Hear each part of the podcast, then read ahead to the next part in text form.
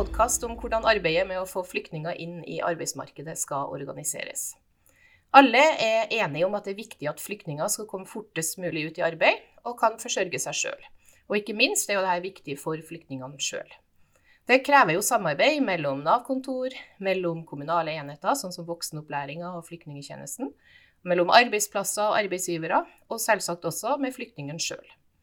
Et viktig spørsmål er jo da hvordan man skal organisere dette samarbeidet. Hurtigsporet er en ordning som forsøker å hjelpe dem som har kompetanse, som er spesielt etterspurt i Norge, til å komme ekstra raskt i arbeid. Jeg heter Gunn Elin Fedreim, og jeg er postdoktor ved UiT, Norges arktiske universitet. Jeg er prosjektleder for en studie som har undersøkt hvordan vi kan organisere dette kvalifiseringsarbeidet, sånn at flyktningene kan komme fortest mulig ut i arbeid. Vi ser også på utfordringer knytta til dette arbeidet. Denne studien har vært en del av et forskningsprosjekt som heter Arbeidsinkludering, læring og innovasjon i Nav, og vi kaller det ALIN som kortnavn. Og I det prosjektet har forskere ved UiT vært med og samarbeida med Nav i Troms og Finnmark i tre år. Og Hvis du er interessert i mer om det, så finner du mer om det på websida til UiT, på uit.no, hvis du søker deg på ALIN og på Nav.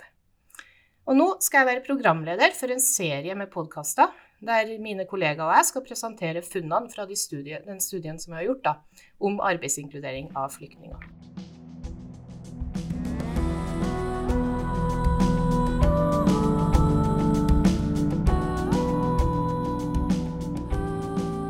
Vi har jo nå kommet til tredje episode i denne serien på fem podkaster om arbeidsinkludering av flyktninger. Og I forrige episode så hørte vi mer om hva programrådgiverne i de lokale Nav-kontorene og flyktningtjenestene fortalte om deres erfaringer med hurtigsporordninga. Så Det er jo da en helt naturlig overgang til at vi nå skal høre nærmere om hva flyktningene sjøl forteller. Og For å gjøre det så har jeg med meg universitetslektor Ida Martine Pettersen og masterstudent Kai Morten Kolberg til å fortelle mer om flyktningenes perspektiver på arbeid, utdanning og introduksjonsprogrammet. Så først og fremst velkommen til dere, da, Ida og Kai. Takk. Dere har jo begge vært med på å intervjue flyktninger i dette forskningsprosjektet. Så kanskje du, Ida, kan fortelle litt om hvem dere har intervjua? Ja. Vi har intervjua 15 flyktninger mellom 20 til 50 år. Eh, de vi har snakka med, har varierende norskkunnskaper, og de har ulik oppholdstid i landet. Noen av dem vi har snakka med, har bodd eh, her i tre år, eller underkant av tre år. Men vi har også informanter som har bodd her i opptil 20 år, og som sånn sett ikke kan regnes som flyktninger. Men vi har likevel valgt å inkludere dem inn i prosjektet, fordi at de har på et eller annet tidspunkt kommet til Norge som flyktninger. Og de vi har snakka med, har også uh, varierende uh, utdanningsbakgrunner. Noen har lang utdanning og høyere utdanning, mens eh, andre har lite eller ingen utdanning. Og flesteparten av dem vi snakka med, var menn. Og så må jeg òg si at vi dessverre ikke har brukt tolk under intervjuene. Og det har nok ført til at vi ikke har fått god nok forståelse av flyktningene sine erfaringer og synspunkter. Ja. Men det er jo likevel flyktninger som forteller ulike historier om hva de har opplevd, og de har ulik bakgrunn, som vi har i dette datamaterialet. Da. Men er det noen tema de tar opp som er gjennomgående for alle intervjuene? Ja, det er det. Eh, arbeid og betydninga av arbeid er noe samtlige snakker om. Eh, de snakker jo da om det å forsørge seg sjøl og eventuell familie. Så det de egentlig ønsker, er å være selvstendig. Ja, og det, jeg tenker det er jo sentralt i denne podkastserien, det med arbeid. Det kommer jo frem i alle, egentlig. Og i neste episode så skal vi jo prate mer om arbeidsgiverne, og vise at de er jo veldig positive til å stille med praksisplasser. da. Men hva spesifikt er det flyktningene er opptatt av når det gjelder arbeid? Jo, eh, de ønsker jo å komme i jobb. Eh, og på den måten så er ikke arbeid bare en politisk målsetting, men også et eh, eget ønske fra flyktningenes side. Og flere av dem vi har intervjua, sier jo at det er viktig, som jeg sa i stad, det å forsørge seg sjøl og eventuell familie. Eh, og for å gjøre det, så må man jo tjene penger via jobb, f.eks. Og flere er òg opptatt av det å ikke være avhengig av Nav. Eh, og da har vi en i intervjumaterialet som sier det som fint eh, som at jeg liker å jobbe, jeg liker ikke å gå på sosialen. Det er jo flere som også syns det er vanskelig å finne jobb akkurat der de bor. Noen sier at de ønsker å reise sørover for at det er et større arbeidsmarked der. Eh, og de tenker at det vil være enklere å finne jobb andre de tenker at det er vanskelig å finne eh, jobb i Norge, fordi at man stort sett i alle jobber må ha en eller annen form for utdanning eller et fagbrev for å kunne få jobb. Det er høye krav til å få jobb i Norge. Eh, det er også vanskelig for dem å få nok kunnskap om arbeidsmarkedet. Og for, for, mange av dem så er også arbeidet i arbeidsmarkedet i Norge veldig annerledes enn det de er vant med fra hjemlandene sine. Det viktigste vi ser fra intervjuene med flyktningene, er uansett at de virkelig ønsker å komme i arbeid eller utdanning, sånn som Ida også sier. De ønsker å være uavhengige og selvstendige. Eh, og de ønsker å skape et godt liv for eh, seg og sin familie i Norge. Ja, Det er jo helt forståelig, og det er jo det egentlig alle ønsker, å skape seg et godt liv. Men Ida, i begynnelsen når du prata nå, så sa du jo at de som er intervjua, at det varierer om de har lang utdanning eller om de har lite eller ingen utdanning i det hele tatt. Er utdanningen et tema som de er opptatt av? Ja, eh, det er det. Eh, det er enkelte som ønsker å få mer eller mer tilpassa utdanning før de begynner i arbeid. Og de som mener det, er gjerne de med høyere utdanning eh, fra hjemlandet sitt. Og én var veldig tydelig i sitt svar på akkurat det her. Og han sa følgende Jeg må på universitetet, men jeg forventer at jeg kanskje må på Folkeuniversitetet først. Og så etterpå så skal jeg flytte til Tromsø for å studere videre. Så vi ser jo, i likhet med Lillevik og Tyldum, som har intervjua 38 deltakere i introduksjonsprogrammet fra Syria og Eritrea, at de med høyere utdanning er mer opptatt av å ta utdanning og få den tilpassa her til lands, enn å komme raskest mulig ut i jobb. Så det å få bruke denne utdanningsbakgrunnen er for noen eh, viktigere enn å komme kjappest mulig ut i jobb, rett og slett. Men er det enkelt for flyktningene å få seg utdanning? Det er både og. Eh, flyktningene ser at det er, utfordrende å få godkjent den utdanninga de har fra hjemlandet sitt. Eh, de syns det tar altfor lang tid å få godkjent de papirene som de har. Eh, dette det går utover og tærer på den motivasjonen de har, flyktningene altså. Uh, Juve med flere de viser til samme utfordringer i sin rapport 'Introduksjonsprogram og norskopplæring'. Hva virker for hvem? Den er fra 2017. Uh, hvor personer som ikke får godkjent sin utdanning, er mer frustrert over sin egen situasjon enn de som får godkjent utdanning. Og Selv om man får avslag på søknad om godkjenning av utdanning, så sier Juve med flere at flyktninger med høyere utdanning likevel har en fordel, fordi de besitter en studieteknikk som gjør at eh, de lærer språket raskere, og at de eh, raskere enn de som da har lite eller ingen utdanning i bunnen.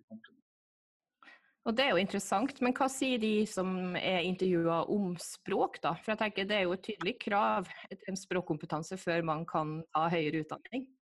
Eh, noen av informantene snakker om språk og sier at de syns det er vanskelig å lære seg det norske språket. Og det kan jo da fort bli et hinder for videre utdanning eller det å i det hele tatt få bruk, brukt utdanninga si. Og For å da ta høyere utdanning, så må flyktninger bestå bergenstesten, som er en muntlig og skriftlig språkeksamen, som da må være bestått for å kunne ta høyere utdanning, men og som må være bestått hvis man f.eks. skal jobbe innenfor helsevesenet. Så vi ser jo i datamaterialet vårt at flestparten snakker mer om problemene rundt det, som man kan sier, å få godkjent papirene sine fra heimlandet, og mer på selve innholdet i språkopplæringa i introduksjonsprogrammet enn på egne språkutfordringer i det daglige. Så det var en som sa at uh, han trodde at uh, det var viktig det å lære seg språk ved å være i jobb. Og det tror vi i forskergruppa òg er viktig. Så det er mange ting man skal lære seg på jobb, ikke sant? men det er nok mange som forventer at man skal kunne språket før man begynner. Og det gjelder jo både for arbeidsgivere, men også samfunnet for øvrig. Ja, men jeg tenker da blir det jo en utfordring, for hva er det da som skal komme først? Er det det å lære språket, eller det å få seg en jobb? Ja, det, det, er jo akkurat det som er utfordringa. Eh, Noen snakker om f.eks. språkpraksis, som er en del av introduksjonsprogrammet, og sa at det var veldig fint å ha en språkpraksis, siden man da blir nærmest tvingt til å snakke mye norsk. Noen trakk fram eksempler på barnehage, skole og SFO som gode språkpraksisplasser, siden de snakker enkel og forståelig norsk der. Så for noen så kan nok språkpraksis oppleves som en raskere vei for å lære seg språket. Eh, og noen av dem vi snakka med, sa òg at språkpraksis skaper muligheter for å bli kjent med andre folk, som igjen kan føre til at man bygger nettverk utenfor introduksjonsprogrammet. Og det er jo kjempebra. Men samtidig så ser vi jo at flyktningene i vårt datamateriale ønsker å lære seg mer engelsk, som en del av språkopplæringa sier. Både med tanke på fremtidig jobb, men også med tanke på fremtidig utdanning. Og det er i tråd med det eh, Tyldum og Lillevik finner i sin eh, studie.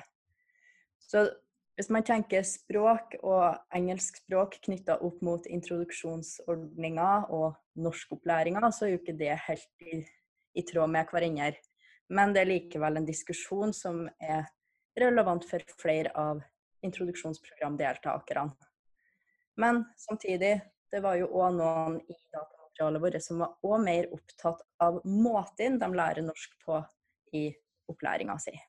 Ja, det er, en del av de som, eh, som vi har eh, intervjua, som tenker at det er for mye fokus på grammatikken i selve norskopplæringa som de får. Det er for lite fokus på det språket som de skal snakke i dagligtalen sin. Uh, flere sier at de ønsker å lære seg å snakke sånn, man, uh, sånn som man gjør i det daglige, i vanlig kommunikasjon med, med mennesker man møter. Uh, og ikke fokusere bare på verb og substantiv og hvordan det bygges opp setninger og språket vårt. Det handler jo også om hvilket utdanningsnivå de ofte har fra før. Hva slags jobb de ser etter. Noen de mener at de skulle ønske at norskopplæringa var mer arbeidsretta, mer tilknyttet det norske arbeidslivet.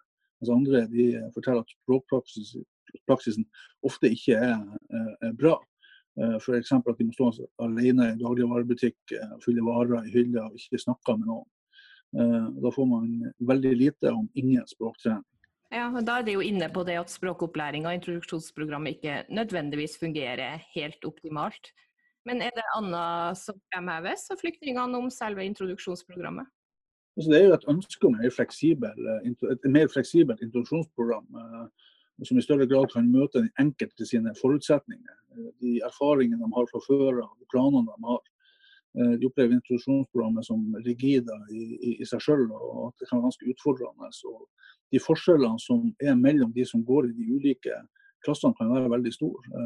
Det kan være sammensetning av dem som har lite utdanning, og de som har stor utdanning eller høy utdanning fra før.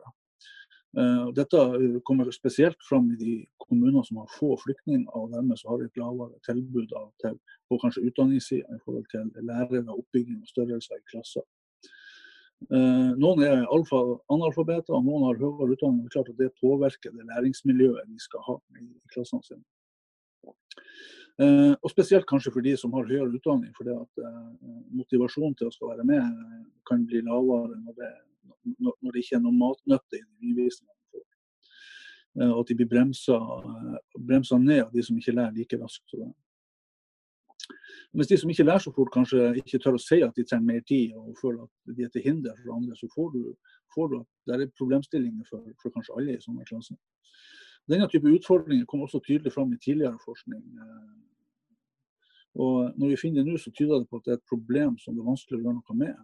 Kan også være et uttrykk for utålmodighet og frustrasjon over at det tar lang tid å lære seg et nytt språk som voksen. Ja, og jeg tenker Nå er jo hele språkopplæringa som en del av introduksjonsordninga, men også introduksjonsprogrammet under revidering, siden det kommer nytt lovverk på feltet. Så jeg tenker det vil jo skje noen endringer her som kanskje vil bidra til å bedre språkopplæringa og den situasjonen som dere har beskrevet her. da. Så det var veldig interessant å prate med dere om det her.